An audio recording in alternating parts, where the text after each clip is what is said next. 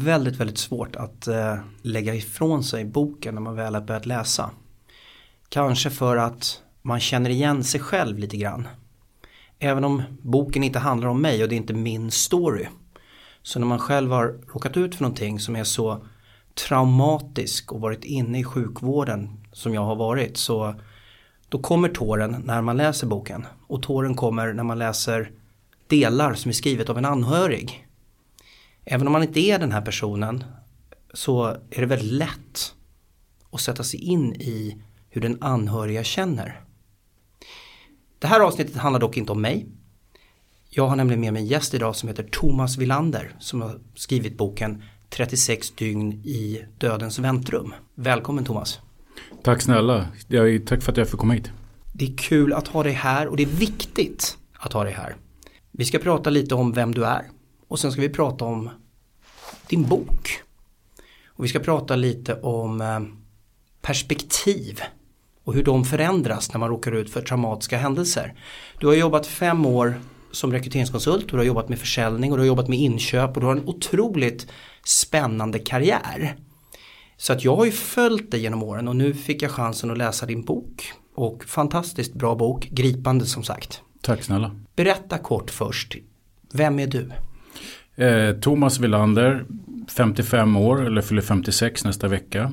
Bor i Sundbyberg, har två grabbar, Dexter och Aston och en fru som heter Kristina.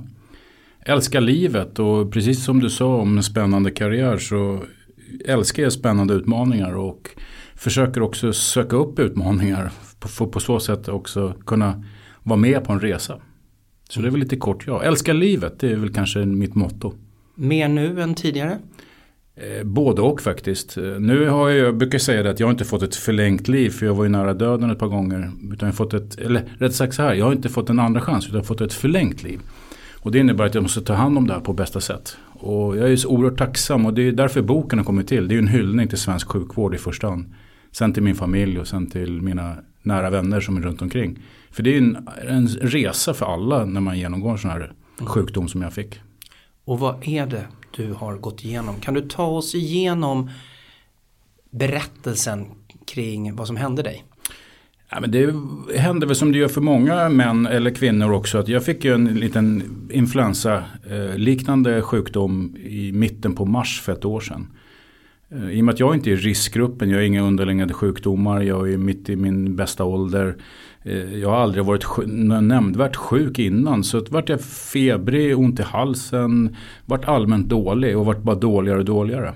Eh, ligger hemma och 25 mars så ringer jag sjukhuset 1177 eller sjukhusupplysningen. För på den tiden så skulle man ju ringa in och få någon form av access för att komma in på sjukhusen för det var ju kaos. Mm.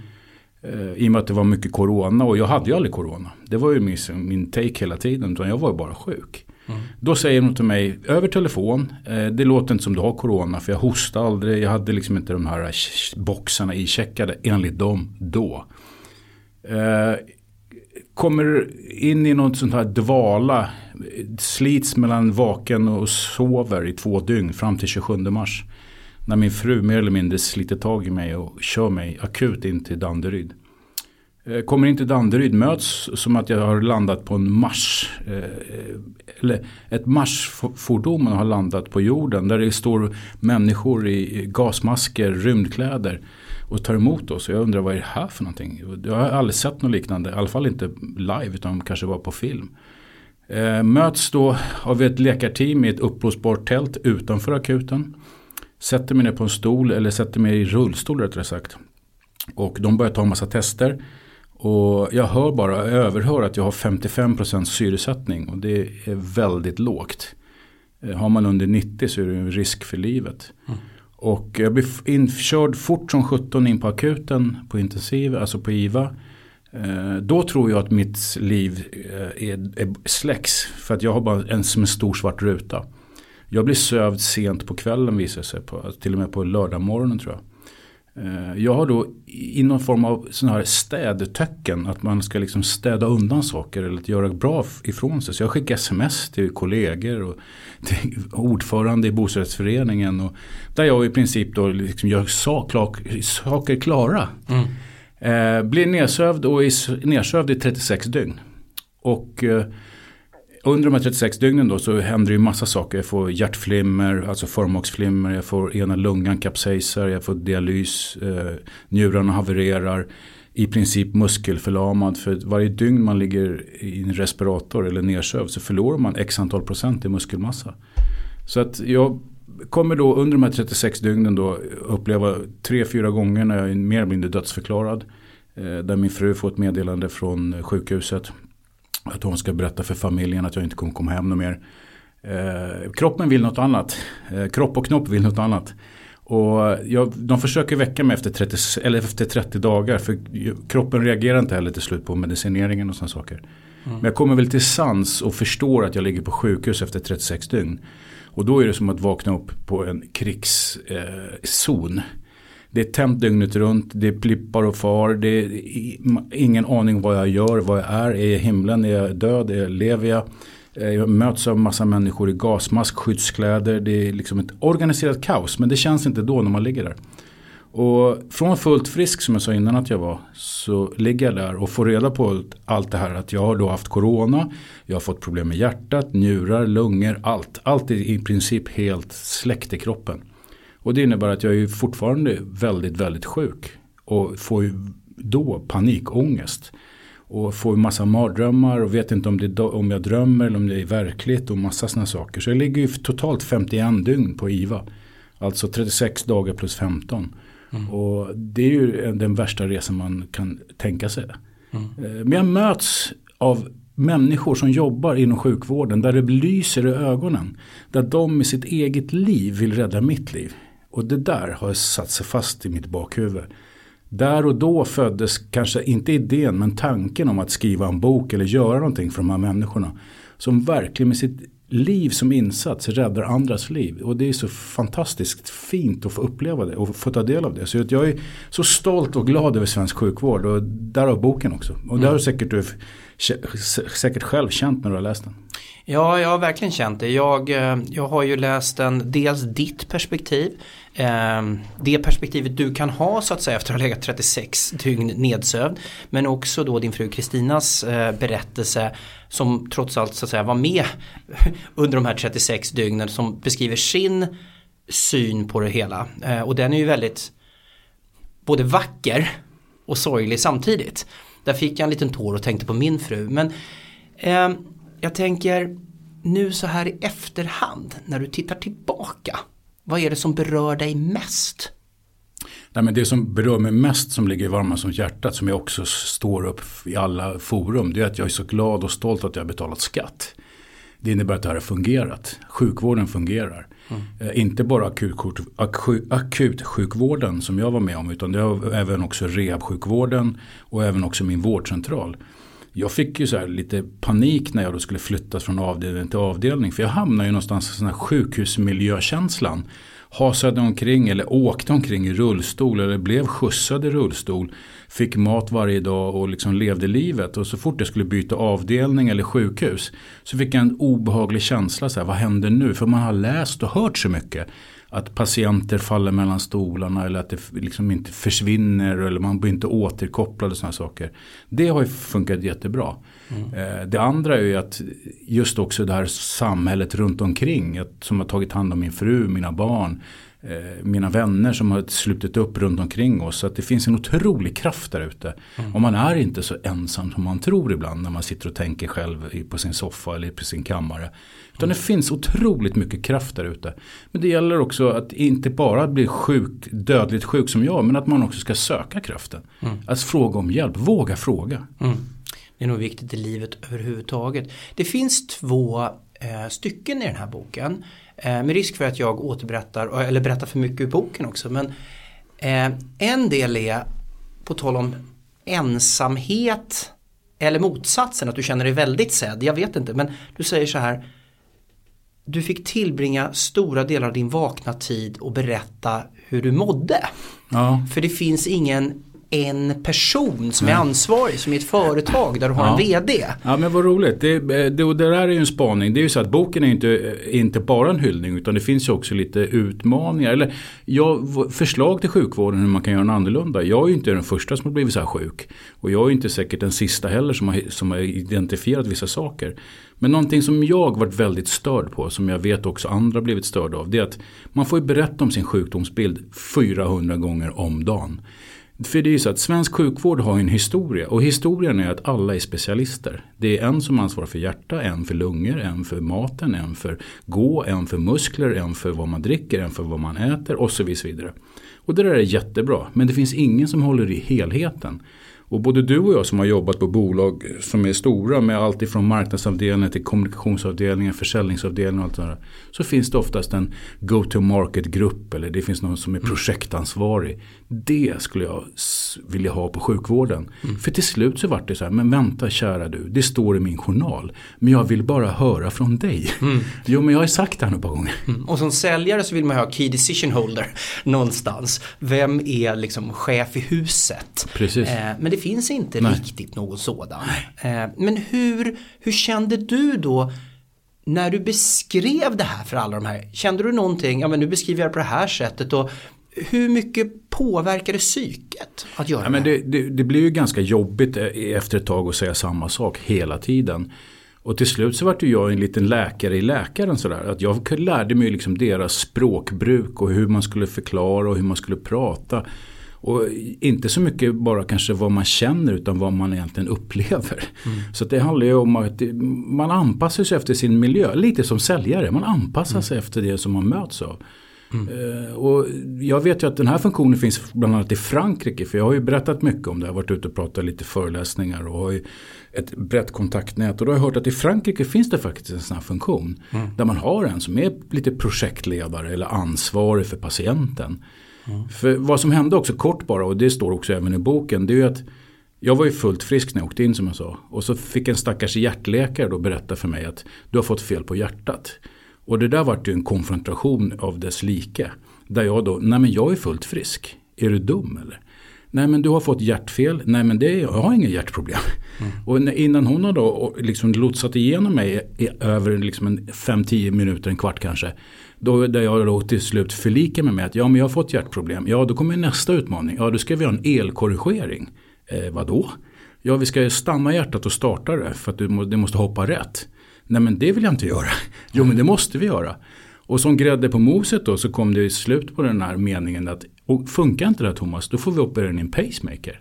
Nej men vänta nu, jag är ingen pensionär. Mm. Och det var min take där och då. Och jag förstår ju idag efteråt när jag har läst mycket om det här att det finns jätteunga människor som har pacemakers. Man behöver inte vara gammal och gråhårig för den sakens skull. Men där och då så förstod jag inte. Och det gick inte in. Och hade då min fru varit på sidan om mig på sängen, för det här är också världens sämsta anhörigsjukdom. Där då ens nära och kära får inte komma och besöka en. Så att då hade kanske hon kunnat hjälpa mig att förmedla informationen eller kanske, kanske berättat för mig på ett mm. helt annat sätt. Ja. Men det fanns ju inte. Jag var helt ensam. Och det var lite min nästa fråga. Eh, Kristina eh, har ju skrivit ett kapitel i boken som sagt väldigt eh, berörande. Eh, det, det, finns ju ett uttryck som heter liknande eh, man måste vara frisk för att vara sjuk. Så här i efterhand, förstår du vad de sa till dig? Nej, jag gjorde inte det.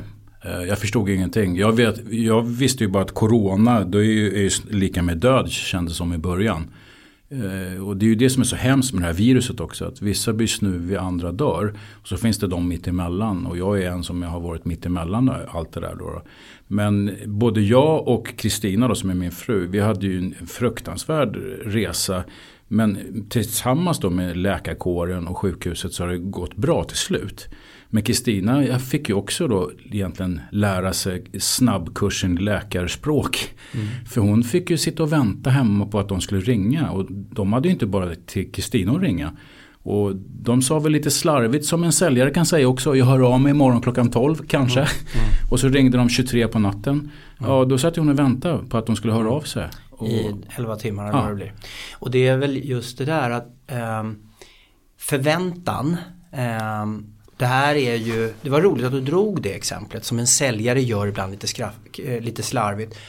Ja, det här problemet med den här situationen är ju att det här är så mycket på spel för en anhörig. Så att man sitter väl vid telefonen hela tiden och det beskrivs ju av Kristina också hur hon försöker ringa på växelnumret. Mm. Ja precis, hon försökte ju själv då ta kontakt med läkarna och hon bildar ju som hon har sagt och som även står i boken. Nu säger vi refererar mycket till boken då men det är ju det vi ska prata om. Men det är att hon bildar ju också någon form av relation eller till och med kärleksuttryck eh, liksom, till de här personerna hon aldrig mm. träffade. Mm. För hon längtar ju bara till att de skulle höra av sig för att mm. de skulle liksom berätta om min status. Mm. Och då kommer vi till nästa utmaning med svensk sjukvård, eller det är ju generellt i all sjukvård, det är att de kan ju inte ge hopp. Utan de kan bara säga hur det är nu. Mm. Att jag dör om fem timmar, det kan de aldrig säga. Utan de ska göra sitt bästa för att jag ska överleva. Men Kristina vill ju bara höra att nej men det här kommer gå bra, han kommer överleva. Det kan de ju aldrig säga för då har de ju ingett hopp som de inte kan lova. Mm. Så det blir också en utmaning. Mm. Anledningen till att jag vill spela in det här avsnittet det är att jag vill att oavsett om man är säljare eller chef eller jobbar med HR så vill jag att vi ibland ska få en påminnelse att det finns en människa bakom alla processer och strukturer. Eh, när vi pratar om känslor, att vi ska i försäljning så 95% handlar om känslor och så vidare.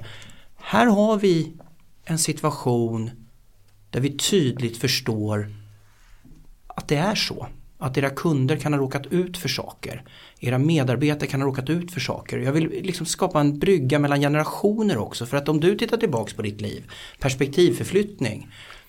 Har du personer i, ditt, i din närhet som har råkat ut för någonting där de har legat på IVA eller nedsövda eller liknande. Kunde du sätta dig in i det här innan du själv råkade ut för det här? Inte så här grovt. Absolut inte. Nej. Däremot så, det är kul att du tar upp det för jag brukar själv prata om det här när jag är ute i mitt yrke. Pratar mycket om det här med att eh, jag har haft väldigt många chefer. Eller rätt sagt väldigt många ledare men bra ledare finns det ont om. Och de här ledarna de har ju liksom följt med mig. Och det kan ju vara utifrån just andra perspektiv än att man har roligt på jobbet bara. Utan att man har liksom fått ett helt annat utbyte. Eller att man berättar en sån här sak. Hur man har varit med om en resa eller någonting som har hänt en och allt sånt där. Så att man på så sätt också bygger någon form av förtroende mellan varandra. Mm. Korrigera mig om jag har fel. Men jag har för mig att i boken så finns det lite detalj. Där en sjuksköterska säger jag finns Thomas, jag finns på riktigt. Ja, eh, och det här är ju en jätterolig grej. Och, det är ju så att när man ligger nedsövd så oavsett om man är nedsövd kort tid eller lång tid så är risken att man får syrebrist till hjärnan och att man får hjärnskador ganska stor. Och eh, så fort jag blev uppväckt och kom till liv så att man kunde liksom förstå att man levde så gjorde de massa tester direkt på hjärnan. Man fick bland annat rita en klocka, man fick räkna baklänges och man fick peka på djur på ett papper och lite sådana små, små övningar. Då. Och i all den här röran som jag nämnde också, så det var ju som en krigszon. Det var tänt dygnet runt. Eh, man visste inte om det var dag eller natt. Och det här är också en annan reflektion. Det är att när det är tänt dygnet runt, det finns ingen dag eller natt. Man vet inte om man har sovit eller är vaken. Alla klockor på svenska sjukhus är 12 timmars visning. Så du har ingen e- inre orientering heller på om det är dag eller natt. Och det är väldigt jobbigt att sova och vakna halv sju och tro att det är morgon. Och så får man reda på att det är kväll. Inte för att jag skulle någonstans men bara just för min egen inre orientering. Men i alla fall när jag ligger där. Eh, folk överallt. Eh, organiserat kaos förstår man efter ett tag. Då står en liten kvinna vid min säng. Mm. Helt plötsligt. Och inte någon annan någonstans. Och du ska ju veta det, det är ju som en myrstack på en intensivvårdsavdelning. Men det står en liten kvinna med gasmask. Och det enda som jag ser att det är en kvinna det är att hon har en lång, lång hästsvans som hänger fram på axeln. Och hon säger till mig så här, Thomas kan du inte sova? Och jag tänkte så här, varför frågar du det? Nej men jag kan ge dig fotmassage. Och jag tänkte så här, fotmassage, vad är det här för någonting? Svensk sjukvård, är det här 2.0? Har de utvecklat sig så mycket? Mm. Men i alla fall så ger den här kvinnan mig fotmassage och jag somnar direkt. Det var det mest fantastiska fotmassage jag någonsin har fått. Och den här kvinnan dyker upp ett par gånger. Och jag vet inte om hon dyker upp på dagar eller nätter eftersom jag inte vet om det är dag eller natt. Och varje gång hon dyker upp så finns det ingen runt omkring. Så jag kan liksom inte ta tag i någon och fråga så här, ser du den där kvinnan? Och jag ligger och fantiserar så här, drömmer jag eller är det verkligt? Har jag fått en hjärnskada eller inte? Vågar jag berätta det här för någon? Nej det vågar jag inte för jag vill ju inte få någon indikation på att jag har blivit galen eller att jag har fått någon hjärnskada. Glömmer väl bort den här kvinnan mer eller mindre. Försöker liksom tränga bort det där bakåt i skafferiet i huvudet.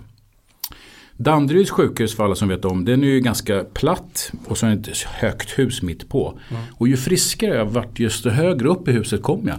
Det var liksom en sån här friskhetsbarometer. Mm. Och jag låg inne då 36 dygn som sagt var 51 totalt på IVA. Och eh, det var väldigt många som kom och liksom sökte upp mig för att höra hur jag mådde. Och jag, vart väl, jag ska inte säga en succépatient för ja. det är väl dumt att säga. Men många kändes tillhörighet till mig. Och då kom de in i mitt rum och alla sa exakt samma sak. Hej Thomas, du känner inte igen mig. För då hade liksom gasmasken åkt av. Då kom det en skydds, liksom skyddsfilm och munskydd bara. Så då kände man igen folk om man hade kommit ihåg dem. Men alla sa samma sak. Du känner inte igen mig. Eller vi har träffats och du kommer inte ihåg mig. En dag står en liten kvinna, lång hästsvans, inne i mitt rum. Thomas du kommer inte ihåg mig men jag är nattsyster. Jag bara, det är du som har gjort mig fotmassage. Mm. Och då berättade hon att hon var nattsyster.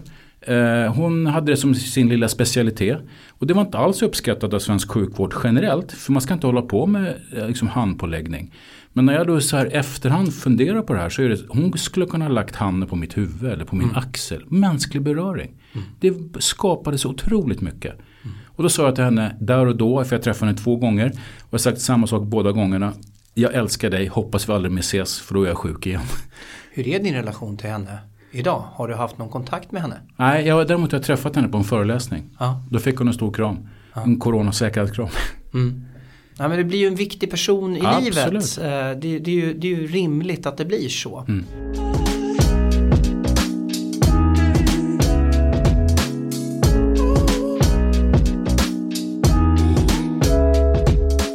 Du bestämmer dig för att skriva den här boken. Ja. Varför det? Ja, men som jag sa tidigare, mina söner föddes ju på Danderyd. Jag har ju två grabbar, Dexter och Aston. Världens bästa killar för övrigt. De föddes på Danderyd och jag höll på att stryka med på Danderyd. Så den cirkeln vill ju inte ha slutat där.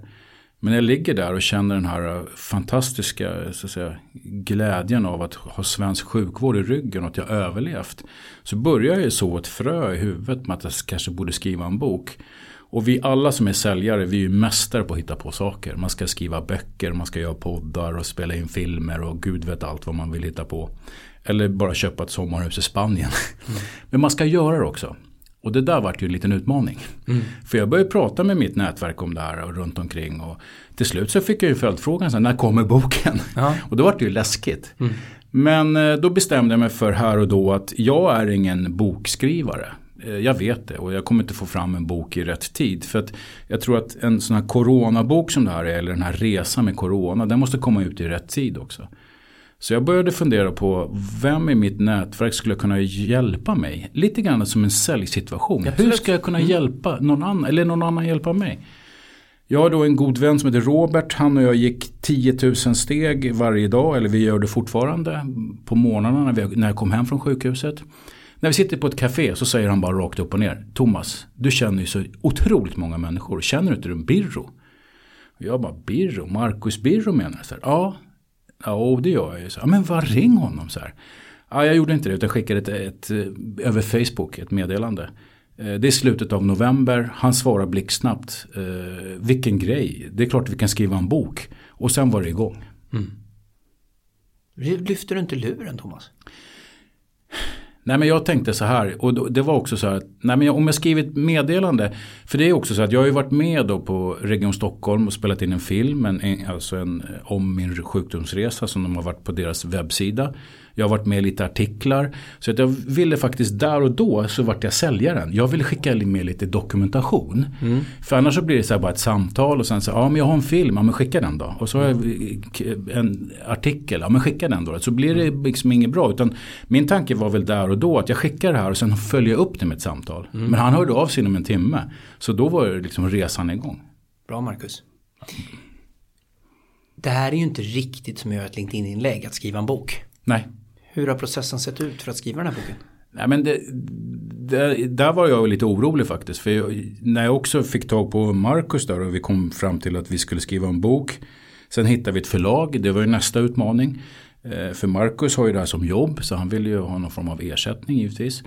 Eh, men sen vart det ju så här, hur ska det här bli då? Blir det en res, eh, liksom en, förlåt, blir det en, en skildring i min livsresa? Ja det blir det nog för att det finns ju ett start och stopp och det är ett ganska kul, eller det är ett glädjande slut. Mm. Annars hade det varit jobbigt. Men vi träffades ett par gånger och Marcus är en otrolig lyssnare. Mer än man kan tro faktiskt. Och många samtal spelar han inte ens in. Utan eh, ibland gjorde han det, ibland inte. Men han spelade in eller lyssnade, gick hem, skrev på sin kammare. Det här har gått i rekordfart. Den här boken har ju kommit fram på en och en halv, två månader. Eh, sen fick jag råmaterial. Sen har jag och min fru då, eftersom det är vi som sitter på liksom faktan. Marcus kan ju liksom linda in det här i ord. Han är ju fantastisk mästare på att skriva. Det kan man ju inte ta ifrån honom alls.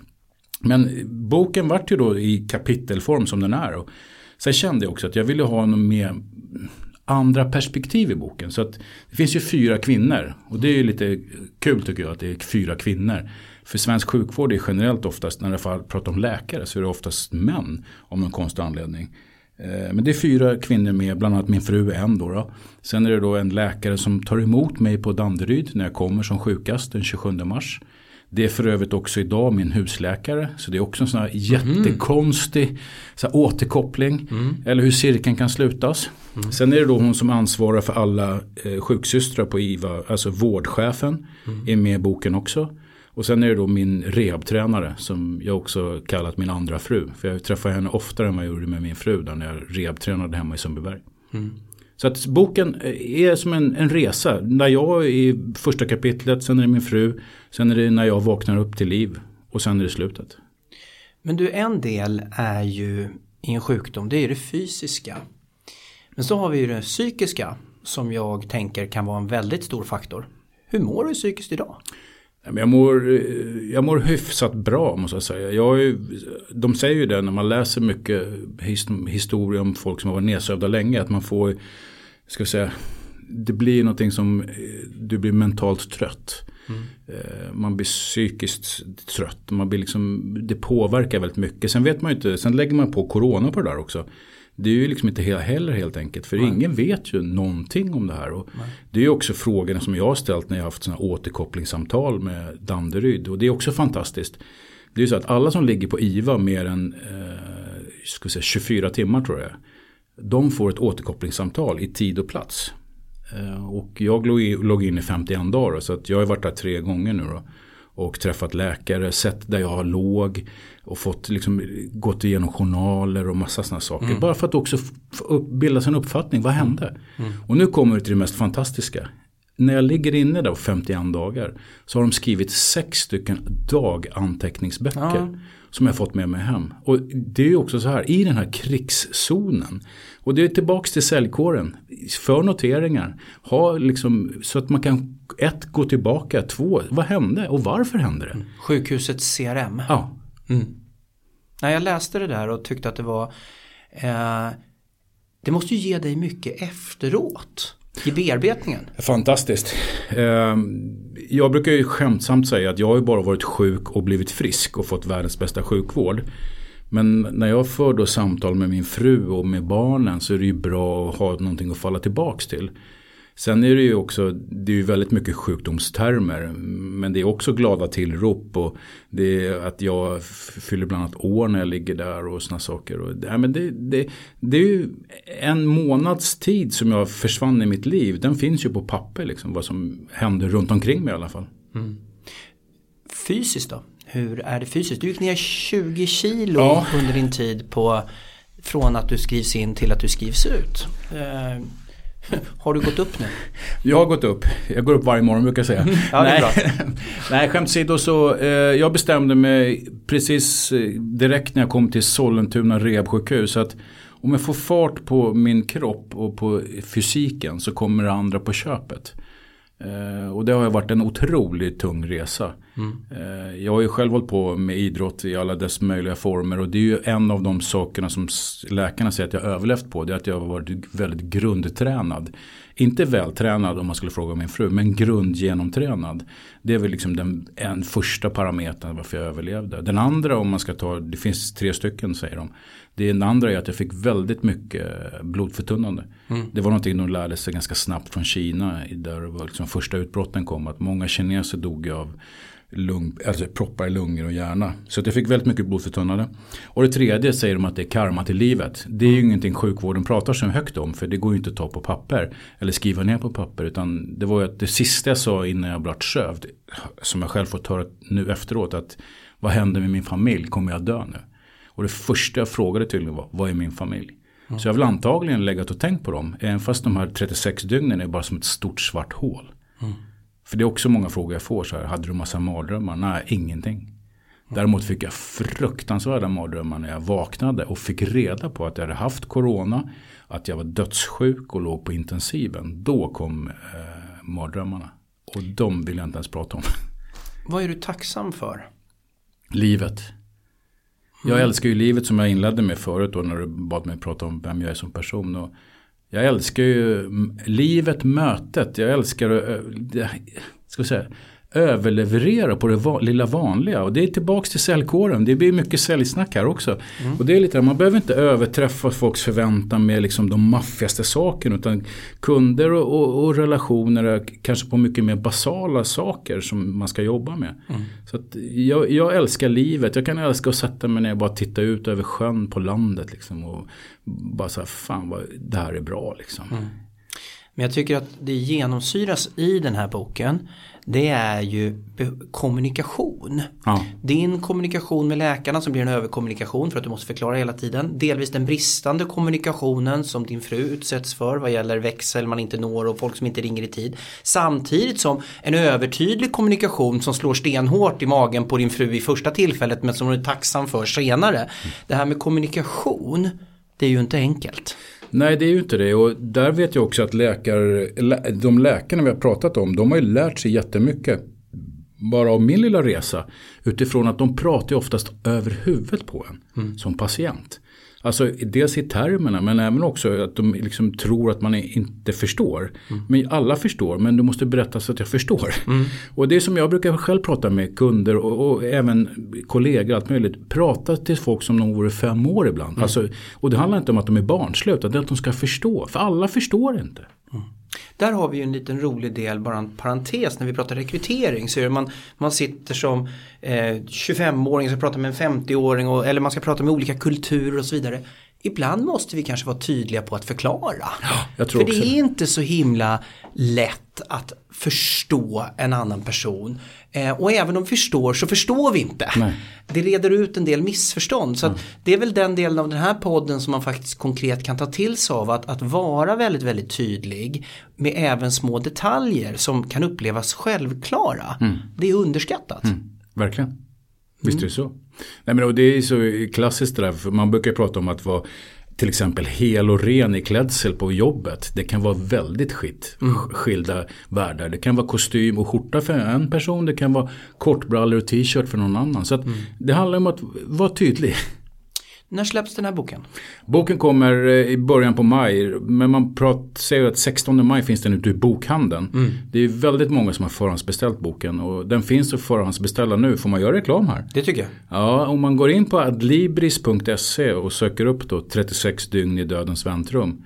Så finns den där att beställa. Och då kan man även, om man beställer där så får man en signerad också. Mm. Du har ju genomlidit och din familj något extremt traumatiskt som du då har lärt dig mycket av. Eh, en del negativa saker men också en del positiva saker som du har uttryckt. Eh, och nu ska du ut och föreläsa och du skriver den här boken och det gör ju du för att du vill någonstans hylla svensk sjukvård som du beskriver. Hur mycket är det att liksom ren terapi i sig? Nej, men det har ju blivit väldigt mycket terapi. Eh, jag är ju väldigt öppen och det skriver jag i boken också. Jag är väldigt extrovert. Jag pratar med allt och alla. Och, eh, jag ska inte säga att jag sitter och tycker och älskar att sitta och prata om mig själv här och boken. För det är ju inte det som är mitt, mitt öde i livet. Men det har ju blivit det. Nej men jag, eh, jag vill, eh, jag vill ja, jag, jag fick faktiskt lite jag fick en sån här liten tår i huvudet här nu. Eller tår i ögat när du pratar om sjukdomarna. Nej, men jag har ju varit ute och pratat väldigt mycket om det här och det har blivit min terapi. Eh, och det är ju som, som, så att ju mer man pratar om saker och ting så blir det ju någon form av behaglig resa. Mm. Och jag känner ju också att ju mer jag pratar om det desto liksom enklare har det blivit. Jag mm. kunde ju inte ens, fick en fråga för att kunna börja grina för att jag var så nära döden. Mm. Idag har jag fått lite distans till det. Jag förstår ju också att vad som hände och inte hände och allt sånt där. Så att Ja, men det är viktigt att, att liksom bära med sig det där. Och jag tackar alla som har ställt frågor till mig för det har gjort mig starkare. På en skala från 1 till 100, hur frisk skulle du bedöma dig själv vara idag? Där 100 är helt frisk och 1 är inte alls frisk, psykiskt och fysiskt. 95 kanske. Så du känner att du är verkligen på rätt väg? Ja. Om jag då går tillbaka till tre månader, vad hade siffran varit då? Ja, 80 kanske. Mm. Den känslan, om du tänker att det är en procentskillnad på 15 procentenheter. Hur påverkade det ditt sätt att vara för tre månader sedan jämfört med nu? Är det någon skillnad i hur du hanterar livet? Ja men den skillnaden har nog kommit sedan jag kom hem till och med. Eh, då var det också, då har jag jobbat hårt med det fysiska sedan tre månader tillbaka. Och det gör jag fortfarande än idag då. Men då kunde jag bli lite sån snarstucken. Och, och liksom, när, man blir lite stressad och får liksom panikångest för att man har glömt någonting eller svettas på ryggen. Men det som jag har märkt som har påverkat mig i stort. Det är att jag har fått en lite, ska säga, lite mer krass sådär. Mm. Förut kunde jag ha världens längsta tålamod. Eh, sa både mina barn och min fru och folk i min närhet. Det har jag fortfarande. Men jag orkar inte med någon sån här corporate bullshit. Liksom, och liksom bara för sakens skull. Utan nu kan jag vara tydlig. Men inte otrevlig. Det är en jäkla skillnad. Och mm. det där, ibland har folk lite svårt att ta det eller förstå det. Men det är väl någonting som jag, och det vet jag inte var det kommer ifrån faktiskt. Nu får du en sån här rekryteringsfråga och alla tycker ja. så här, det här ska man klara av. Kan du beskriva en händelse där du har känt att du är mycket, varit mycket mer krass än vad du hade varit innan sjukdomen? Där du har liksom betett dig mycket mer krasst. Nej men det ju, det kan ju vara, jag hade bland annat ett samtal i förrgår då om jag skulle hjälpa en med, med CV. Där då, jag är ju liksom, kallar mig själv för LinkedIn-Peter då på LinkedIn. För jag älskar ju att hjälpa andra människor. Mm. Det är liksom lite pro bonus där och ge tillbaka för någonting som jag har fått från massa andra människor. Bland annat dig eh, historiskt sett. Och då var det så här, nej men jag har inte hunnit göra CVt eller gjort den här förändringen.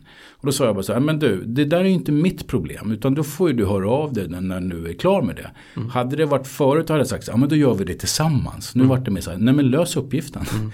Och det där är lite roligt. Är man coach då, då är man ju, går in i den rollen om man är betald coach. Ja men då är det så här att, ja då får man coacha fram varför det inte skett och så vidare. Men när man är den där personen som bara ska hjälpa till.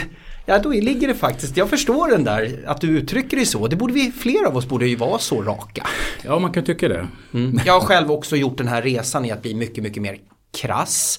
Eh, så länge det finns en empati bakom Absolut. så är det ingen fara. Det är när man börjar tycka att folk är nötter, det är då man ska undvika att vara krass. Mm. Utan så länge man tycker om någon annan så funkar rakhet mycket bättre än vad folk tror. Ja, men så är det. Jag brukar säga att så fort jag inte gillar, när jag inte gillar en annan människa då är jag extremt försiktig. När jag ja. gillar en annan människa då är jag väldigt rak. Ja, nej, men det är sant. Och jag brukar också dra den här parallellen att det är en jäkla skillnad på feedback och kritik. Mm. Och det är många som har väldigt svårt att liksom se skillnad på den. För säger man till någon att man, nu ska jag ge dig lite feedback. Då tror ju nio av tio, tyvärr, mm. jaha ska jag få skäll nu? Nej, mm. du har gjort det här bra. Mm. Så att ja, det är precis som du säger. Mm. Ja, men vi drar oss väldigt snabbt till att feedback är negativt. Mm. Vad kommer du göra framöver? Eh, jättebra fråga. Jag jobbar med rekrytering. Jag älskar ju rekryteringsyrket. Eh, jag har varit ju, Kom in på det här spåret eller den här vägen via en gammal arbetskollega som driver en annan rekryteringsbyrå idag. Och han sa en sak. Att det är ju att, att, som att sälja människor inom situationstecken. Eh, för det handlar ju om att hitta rätt person till rätt uppdrag på rätt bolag. Och det där hade jag med mig i bakhuvudet och kände att det här är ju världens roligaste jobb. Men det är också Tyvärr, det finns en jättestor baksida. Det är att det är människor man jobbar med. Mm. Och det kan också ibland bli inte alls som man tror eller tänker. Jag vet inte hur många gånger som man har haft eh, kandidater klara som har i princip skrivit på anställningsavtalen men backar ur för att de dagen innan har berättat för sin fru att de ska byta jobb och då vart det världens kaos hemma och så vidare. Och så vidare. Så att, ja, det finns både utmaningar och, och, fördelar med det här yrket. Och jag funderar ju som mest på vad jag ska kunna göra och bidra med. Men jag känner ju att jag måste jobba med någonting där jag kan träffa människor och få mm. ta del av den här relationsskapande, det som jag älskar att göra och verka i. Mm. Är det osäkerheten i rekryterings... För det är inte riktigt så lätt, rätt, eller så tydligt att man intervjuar lite kandidater och sen så är det någon som är bäst eller mest lämpad och sen så är det klart. Utan Nej. det är väldigt, väldigt många eh, missförstånd, eh, kommunikationsutmaningar, eh, processtekniska detaljer, eh, avtalsförhandlingar etc. Det är ett projektlederi och eh, en så mångfacetterat jobb så att det skulle vara roligt att bjuda in eh, personer i, i, liksom på kontoret låta folk se vad man möter. Ja, men sorry. Är det det som gör att du uttrycker dig som du gör? För att Nej men jag gjorde ju en liten snabb, snabb grej, en snabbspolning om yrket och det är ju ett fantastiskt roligt yrke. Och eh, det finns ju fantastiskt duktiga bolag och även till mig massa kollegor som jobbar varje dag och gör sitt yttersta. Så att, eh, ja visst finns det en osäkerhet, absolut. Mm. Men sen så är det ju att det öppnar ju också upp nu här. För varje spruta som sprutas i vaccin i människor så kommer ju samhället öppna upp mer och mer. Mm. Och jag tror att det kommer hända massa saker, massa roliga saker. Mm. Och jag tror det kommer också upptäckas att det kommer finnas massa andra yrkesgrupper som inte funnits förut som kommer komma in. Och jag tror att det här med att jobba hemma, det kommer bli någon hybridlösning runt omkring det. Jag tror det kommer behövas helt andra faciliteter. Mm. Jag tror att vi som jobbar med rekryteringsbranschen måste börja tänka lite om, tänka rätt och göra rätt saker. Mm. Eh, jag tror att man behöver fundera på att förekomma i mycket större omfattning. Jag tror att man måste ha mycket bättre koll på sina kunder. Och, nej, mm. men jag tror att det finns jättemycket sak, roliga mm. saker att göra, absolut. Finns väl ett, liksom, I en värld som är så extremt osäker, vilket eh, din situation visar med all tydlighet, så kan det vara viktigare att faktiskt lära känna folk på djupet. Absolut, mm. visst är det så. Så framtiden yrkesmässigt eh, sett till vad du ska göra de närmsta 15, 20, 25 åren av din yrkesmässiga karriär. Du är fortfarande bara 55 så att det är många år kvar att jobba för Absolut. att faktiskt finansiera den här sjukvården som har gjort så fantastisk insats. Ja. Den är inte glasklar. Nej det är den inte, eh, absolut inte. Och det tycker jag också är lite behagligt så att ha den tanken. För som jag sa tidigare och som står i boken också. Jag har inte fått en andra chans för jag har inte dött och återuppstått. Jag har fått ett förlängt liv. Mm. Ta hand om det här livet nu Thomas Villander på bästa sätt. Liksom. Mm. En väldigt eh, personlig fråga. Eh, alla frågor har väl varit väldigt personliga möjligen. Men finns det någon risk att du blir din sjukdom? Eh, jag har fått den frågan förut faktiskt. Eh, jag vill ju inte bli det. För jag vill ju inte bli det här eh, som corona-liket liksom, som skvalpade omkring som överlevde. Utan jag vill ju med boken också egentligen sätta punkt för hela den här resan. Och att det ska bli min berättelse och, och liksom någon form av startskott för något nytt. Som boken är skriven så tycker jag faktiskt att den är skriven på det sättet. Det känns så när och man läser. Och det är precis tanken. Det är mm. precis det som är tanken. Mm. Sen att man är ute för att bidra till människor genom att berätta storyn. Det är inte att bli sin sjukdom. Nej. Eh, det är något annat. Det jag pratar om det är om man fastnar i den psykiskt och, och relaterar allting i 15-20 år. Men du är ju en bearbetningsprocess och den lär du väl vara i ett tag till, anar ja. jag. Nej, men, och det är, om man tar olika perspektiv, boken också, så är det ju så att tar man tvärsnitt på samhället så är det väldigt få människor som har någon i sin närhet som har blivit väldigt sjuk eller dött. Så det är också en aspekt i den här med just med boken. Vad är det som händer? Vad är det som sker? För man dör inte av corona utan man dör ju av alla följdsjukdomar som finns runt omkring. Mm. Och det där tror inte alla riktigt förstår. Plus också att det är ju världens mest obehagliga virus. Som i alla fall finns i större omfattning just nu. Det finns säkert massa andra virussjukdomar som också är minst lika jobbiga och läskiga och dödliga. Men man måste ta det här på allvar. Mm. Och jag brukar säga att man ska inte vara rädd utan man ska ha respekt för det. Man ska leva sitt liv men man ska hålla sig till restriktioner. Man ska ha munskydd på sig och så vidare. För det kan hända vem som helst. Mm. Jättebra summering. Hur ska du göra framöver för att ta hand om dig själv fysiskt, psykiskt och så vidare? Du har något träningsrehabschema? Jag har ett rehabschema som jag följer slaviskt. Eh, och det är ju lite grann för att jag har lovat mig själv liksom, att har jag fysiken så har jag liksom det andra på köpet. Mm. Eh, jag har via sjukvården då så går jag som en psykolog eh, löpande. Fantastiskt. Mm. Jag går också hos en naprapat löpande via sjukvården. Så att allt det här har ju funkat jättebra. Inte bara som jag sa tidigare sjuk, akutsjukvården som räddar mig livet på mig. Utan även också att man har samlat upp mig som person. Och liksom mm. fått upp mig på benen och fått mig att liksom börja springa igen. Mm.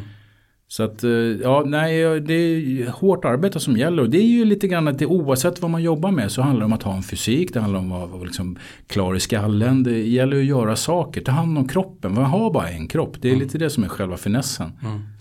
Ja, men jag tycker det är så bra summering. Ta hand om dig själv. Som på flyget. Sätt på, sätt på dig masken själv. Se till att du mår bra. Ta hjälp av experter tycker jag du säger här. Du går ja. till flera experter. Våga be om hjälp. Ja. Du inledde ju så. Ja, precis. Men det sker ju också en sak som inte står i boken som inte är så jäkla rolig. Det är ju att när jag ligger där 15 dagar på IVA och förstår jag att jag, jag lever, jag kommer ju liksom ha avföring och urin. Vad tar den vägen? Ja, det tog ett par dagar innan jag förstod att jag hade en kateter. Mm.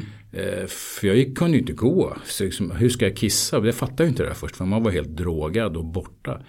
Men sen inser jag också så här, shit, jag ligger här och bajsar på mig. Mm. Rent ut sagt på ren svenska. Men jag känner efter ett par timmar att, nej men det, vänta nu här. De jobbar med det här. Mm. De ser till att jag kan hålla mig ren och fräsch och allt det där. Då är deras jobb. Och jag måste bara göra det bästa för dem. Då måste jag liksom vara medgörlig, inte motgörlig. Mm. Så att det liksom handlar om att åka med. Liksom. Mm. Säger en psykolog att gör det här eller en fysioterapeut gör det här. Gör det då. Sitt mm. inte och bara kör munnens bekännelse. Ja mm. visst och så går man därifrån och skiter i det. Då är det inget att söka hjälp heller. Nej. Nej, verkligen lyssna till de här experterna och är det någonting eh, som man verkligen inte kan göra det är att fundera kring hur man ser ut när man ligger på IVA. Nej, ja, men det var också, också en sån här liten skön känsla för jag har ju varit på sån återkopplingsbesök som jag sa på IVA. Och ett av besöken var att titta där jag låg. Och då fick jag så flashbacks när jag liksom kom tillbaka när jag låg på IVA vaken. Där jag såg då, hörde ett ljud som var som en kaffeapparat. Men det var nog medicinkrossen där de malde medicin. Och så kommer jag ihåg så fantastiskt bra ögonblick där en sjuksyster rakar mig. När jag ligger där helt egentligen förlamad. Men hon sa så du måste se snygg ut säger hon. Och jag bara, mm. vadå fattar inte det där. Men det var hennes sätt att vårda mig. Så mm. hon rakar mig den här kvinnan. Och när jag berättar det här och beskriver det när jag är där och då på det här återkopplingsbesöket. Då visste den här ansvariga sjuksystern direkt vem det där var. För det var mm. en tjej där som alltid gjorde så. Aha. Det var hennes sätt att liksom hålla patienterna fräscha. Och det är också så här rakt i hjärtat. Är otroligt givande Thomas att ha dig här och få höra de här berättelserna. Har du varit på Danderyds sjukhus förresten? Sen, där, sen ja men de här återkopplingsbesökarna har jag varit på. Hur ja. känns det när du kliver in genom dörren? Nej men det är ju skräckblandad förtjusning. Ja. Eh, jag vill ju inte vara där. Nej. Men jag älskar att vara men där. Älskar att vara där ja. ja. ja. jag förstår.